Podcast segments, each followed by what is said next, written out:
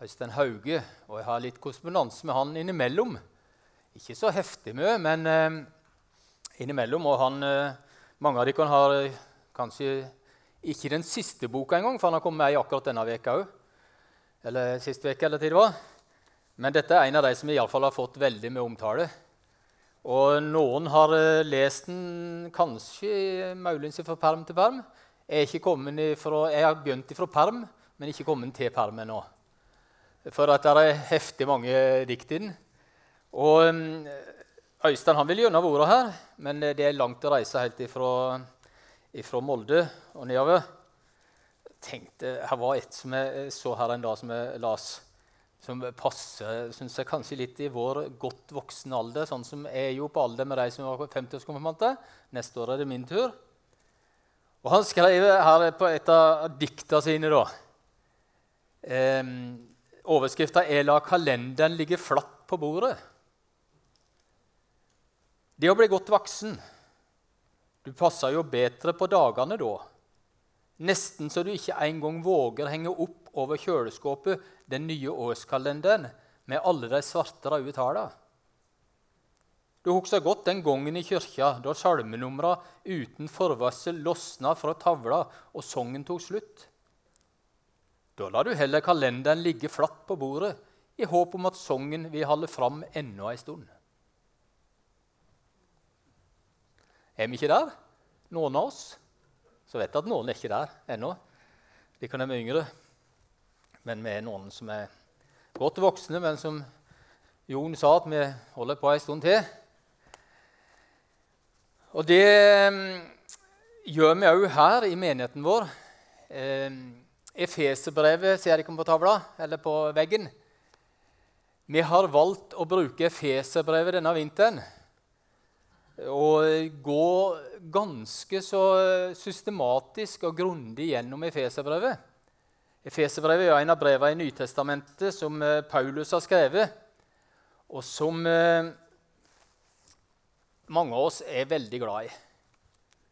Og noen eh, ja, de vet at den er en del av en rekke av brever, men så mye mer har han ikke med seg, kanskje. Jeg føler Efeserbrevet det er, det er fantastisk når en, eh, når en har vært borti det noen ganger, for å si det sånn. Og vi har sagt det før her. Kanskje den som fikk med øynene opp for det for meg òg, var Per Våge. Det er nevnt før. Mange av oss har den erfaringa. Per var så uendelig glad i Efeserbrevet. Og det smitta på en del av oss andre, følte jeg. Sånn at det er iallfall noe som jeg bærer med meg. En glede og en eh, godhet av å lese og ta med, meg Efeserbrevet og tinga der.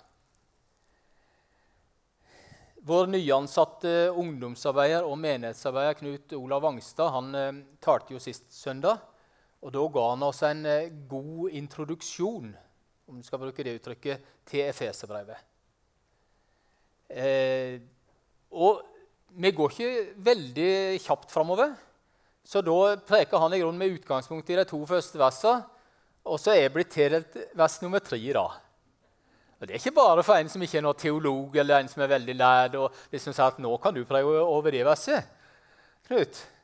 Men så kjenner jeg at åh, det er jo så flott et vers at jeg lurer på om jeg skal si noe mer eller bare vise verset. Nei, det er av og til sånn. Men eh, la meg nå knytte noen tanker til det. Og eh, litt repetisjon fra sist søndag. Noen av de kan være her, da ble det repetisjon. Og noen var ikke, så da ble det en liten introduksjon. Mer da. Men eh, Efeserbrevet ble jo skrevet av Paulus omkring år 60. Da satt han som fange i Rom. Og Noen mener vel at han ikke satt i et alminnelig fengsel, nødvendigvis, men at han satt i en husarrest i en eh, form for fengsel der det var i et hus. Og, eh, men det kalles på mange måter òg et eh, fangenskapsbrev, dette her brevet. Og så kan vi lese denne, dette brevet med, det med den bakgrunnen at han sitter i fengsel. Og bare det er en, ut, en underlig ting når en leser dette brevet. Tenk seg til en som sitter i fengselet. For meg i alle fall, så kan jeg tenke meg sånn, Der er det noen plass en skal være mismodig, eller ville være mismodig. så vil det være i fengsel. Nå vet jeg at mange har gode erfaringer Nei, ikke. Jeg ble gale. Mange Ikke mange her har erfaringer med det, for å si det på den måten. da. Men jeg har lest om at noen har erfaringer med å sitte i fengsel og kan oppleve også den stunden veldig god og positiv for livet sitt. Det var sånn jeg ville prøve å si det, iallfall. Ja. Eh, men, men alliavel, min tanke med det å sitte i fengsel det må være trasig. Det må bli deprimerende. Men så er det ikke det som gjennomsyrer det. Eh, han gleder seg over Guds frelse. Og ingenting kunne i grunnen ta dette vekk ifra, ifra Paulus. Han hadde vært i Efesus og talt Guds ord her i tre år, står det om. Blant annet. Og så ville han minne nå vennene sine om det de hadde i Kristus, det de hadde i Jesus, det de hadde i frelsen og det kristenlivet. Og så var, virker det som han er veldig glad i denne kristenflokken. Og han hadde et, et ekte kristent fellesskap med dem og mm, skal si et søskenforhold til dem. Nå er det slik at I noen skrifter, de gamleste skriftene så sier det at de der, når han skrev, Fra forbegynnelsen står det at han skrev til menigheten i Efesos ja, så er, ikke, så er det ikke det som står Det er ikke tatt med Efesos i noen av skriftene. Men det er tatt med seinere, fordi at Efesos var iallfall én av menighetene som skrev dette til. Men så er det vel teorier som sier at dette var et, sånn et litt mer brev som ble sendt litt rundt. Og ble gitt til flere menigheter. Derfor nevner han ikke sånne spesielle ting med denne menigheten, sånn som han gjør i en del andre brever til andre menigheter. Det er litt mer generelt til kristenflokken. Og Det syns jeg gjør det fint med å tenke på at dette er et brev som vi kan bruke inn hos oss i dag.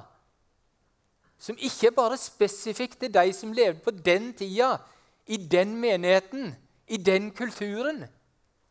Men vi kan ta det med oss i dag òg.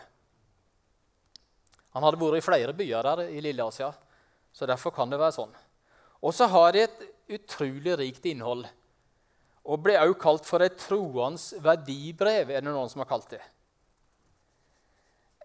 På mange måter så er det et brev som, som går både på det høyeste vi kan kjenne på i, i bibelske skrifter, nesten, og på det djupeste i menneskeliv. Vi finner så mange rike skatter i det og ser egentlig hva vi eier i Gud. Luther han sier en eh, plass eh, bl.a.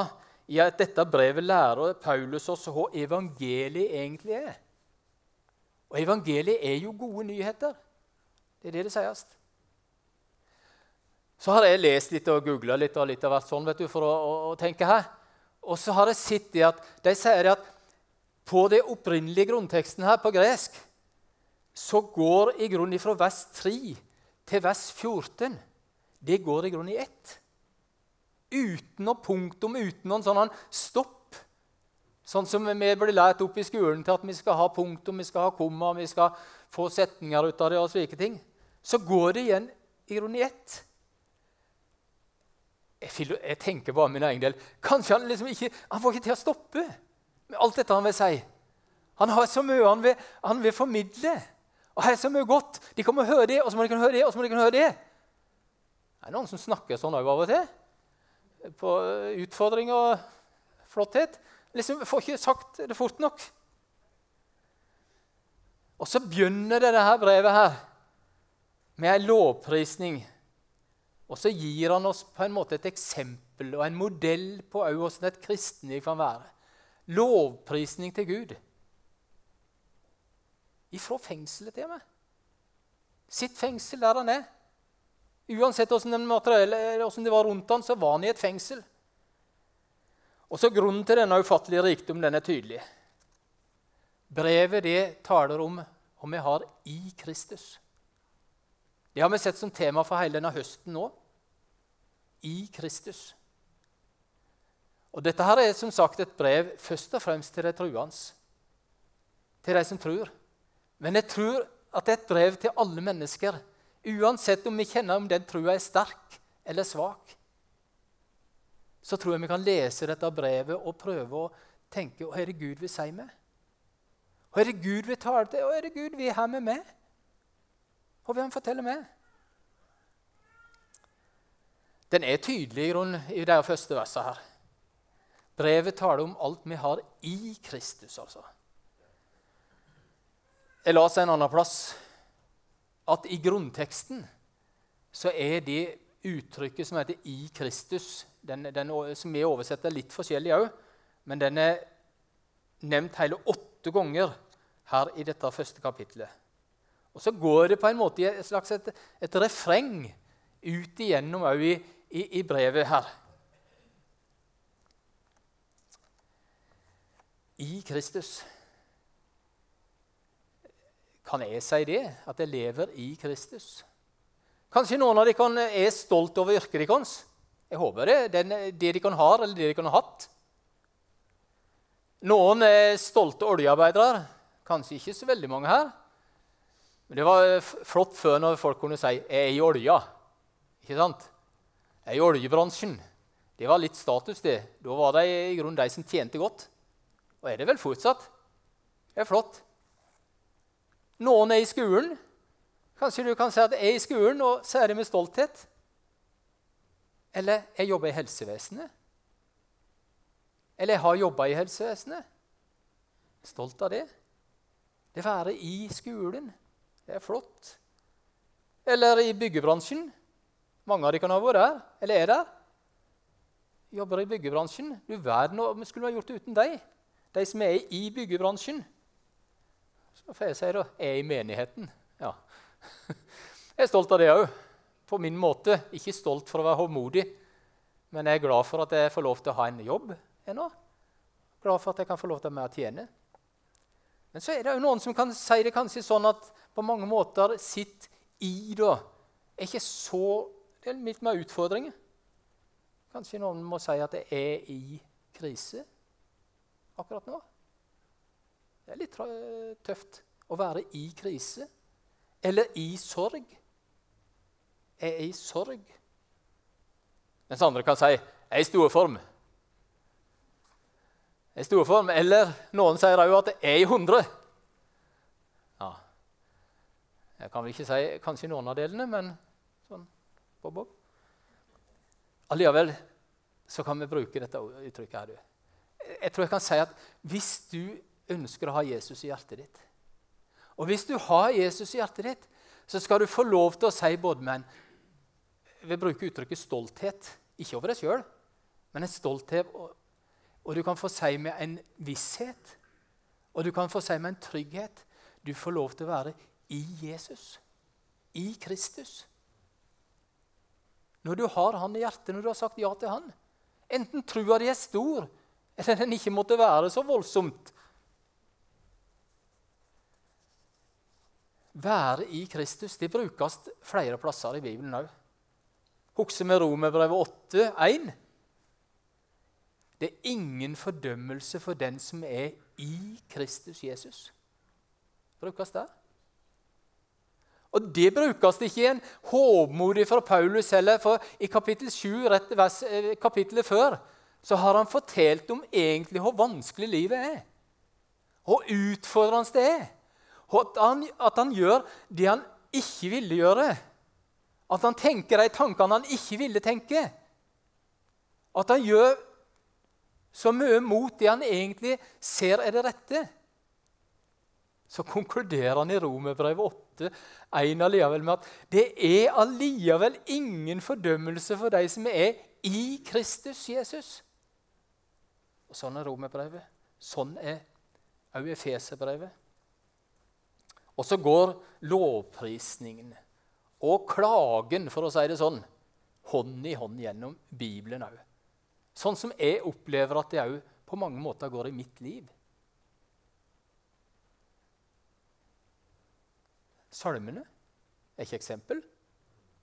David, en av de hovedpersonene i, eh, som har skrevet salmer. Er det bare sanger ved festreisen? Er det bare lovprisningssalmer i Salmenes bok? Nei, det er klagesalmer. Og det er salmer som uttrykker en fortvilelse over et lev liv som absolutt ikke burde være slik. Han forteller i noen av salmene om, om hvordan han opplevde når han hadde synda, tatt Batseba, Uras hustru. Og han er så fortvila, David. Han har det så vondt med seg sjøl, for å si det rett ut. Og I neste øyeblikk så, så kan han fortelle at 'jeg bekjente min synd for Herren'. Og så tok du bort syndeskylda mi. Og så sier han 'Sela'. Noen ville ha sagt 'halleluja', da. Og vi sier vel kanskje bare 'ja vel'. Nei, jeg håper vi kan si takk.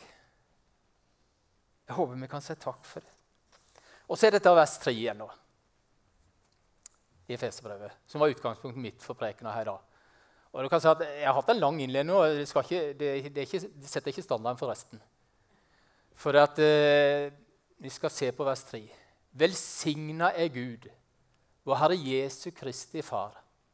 Han som i Kristus har velsigna oss med all åndens velsignelse i himmelen. Noen av dere kan huske 1988-oversettelsen som begynte sånn at 'lovet være Gud'. Ja, det er Litt sånn eh, måter å si det på. Her har de altså i nye oversettelsen funnet ut at de, de velsigna er Gud. Og sett, som jeg sa, Sitt fra ei side så er hele brevet Efesbrevet en stor lovsang til Gud for frelsen. Om vi skal bruke uttrykket i mange varianter. Og så er den ikke, denne lovsangen, denne takken, er ikke framtvungen av mennesker tillatt. Den er ikke framkommen ut av noe prestasjon i eget liv, ut av noe de sjøl kan rose. Men Paulus kjenner den er framtvungen ut av han får lov til å være i Jesus.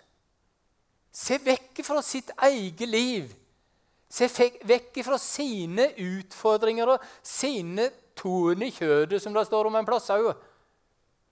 Sine begrensninger. Så får han lov til å kjenne at han får lov velsigne og kjenne velsignelsen fra Gud. Velsigna er Gud, vår Herre Jesu Kristi Far.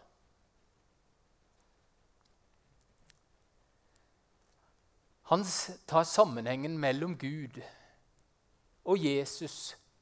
Og Det ble nevnt under stabsmøtet vi hadde her tidligere i veka, der vi har, stort sett hver tirsdag. Så sitter vi og snakker, Nå har vi begynt å snakke litt om eh, den teksten som kommer på søndag òg. Og det ble nevnt der. Her ser vi på en måte òg i dette verset her sammenhengen Gud, Jesus, Den hellige ånd. Treenigheten har Paulus med bare i dette ene verset her. Han tror ikke på noen av Romerrikets herrer eller de greske avgudene. Men han erklærer Gud som den store, Gud som sin far. Og takken skal gå til han. Og så stiller han seg i kamp faktisk mot enkelte jøder òg, som nettopp fornekter at Jesus er en del av guddommen. Og dermed så ble de kristendommens motstandere. Og Så sies det videre her at Gud har velsigna oss med all åndens velsignelse i Kristus.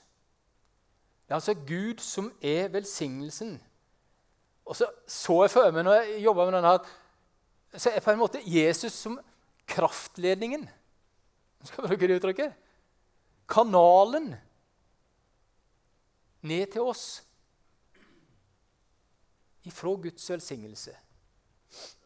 Ifra en Gud som vi kanskje føler mange ganger er fjern. Som vi ikke helt skjønner, og som ikke vi kan, kan gripe så sterkt. Så er altså Jesus født inn i denne verden som menneske. Og formidler Guds kjærlighet, Guds velsignelse, Guds nåde, for at hver den som tror på Han, ikke skulle gå fortapt, men ha evig liv.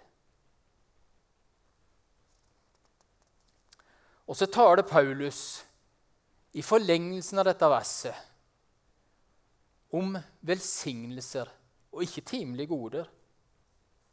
Gud har ikke lovt å gjøre alt godt og lett når vi tror på Han. Det tror jeg vi har erfaring med, vi som har sagt ja til Han, vi som lever med Han. Jeg tror vi har erfart det. Guds folk kan mange ganger ha utfordringer. Ja, til og med lide nød. Oppleve store vansker.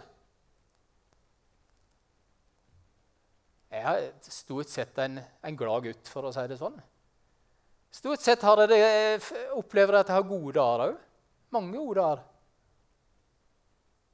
Men sjøl om jeg jobber i en menighet Jeg skal bruke uttrykk som jeg har sagt av og til før. Jeg er betalt for å være en kristen, nesten. Så, så Jeg har mine tøffe dager, jeg òg. Jeg har mine utfordringer. Noen av dem vet ikke noe om i livet mitt. Som er sånn markerte, tydelige utfordringer i et liv. Andre vet ikke noe om. Noen ting vet Klara mer om enn andre. Eller ungene mine. Noen ting vet jeg kanskje bare sjøl. Men allikevel jeg har lyst til å si det som et personlig vitnesbyrd. Jeg har fått lov til å oppleve Guds velsignelse i livet mitt. En velsignelse som overgår all forstand, om du skal si det sånn. Hva består denne velsignelsen i, da? Det skal vi komme fram til, eh, gjennom i en del gudstjenester videre, der vi skal gå videre fra etter vers 3. Men bare eh, la oss få en liten forsmak på den. Vers 4. I Kristus har Han utvalgt oss. Ja, Hva betyr det, da? Ja, Kom på gudstjenesten, så skal du høre litt mer om det. Kanskje. Vi får lov til å være, ha retten til å være Guds barn. Det som vi før kalte barnekår. Betyr det noe? Ja, vi får lov til å være Guds barn. Det, det er fantastisk. Ikke? Tilgivelse for syndene. Det står der med vers 7 og 8. Trenger vi det? Noen kjenner på det. Noen har kanskje sett det eller følt det. Jeg har det iallfall. Et eh, litt vanskelig ord, kanskje Guds viljes hemmelighet, som det står om i vers 9 og 10. Da han kunngjorde for oss sin viljes mysterium, det han ville gjøre i ham. Han ville fullføre sin frelsesplan i tidens fylde. Det er spennende, det han har for oss. De velsignelsene han har for oss. Og, og Der står det at vi skal få lov til å være arvinger. I ham har vi også blitt arvinger, som vi på forhånd var bestemt til. Og et punkt, vers 13 og 14.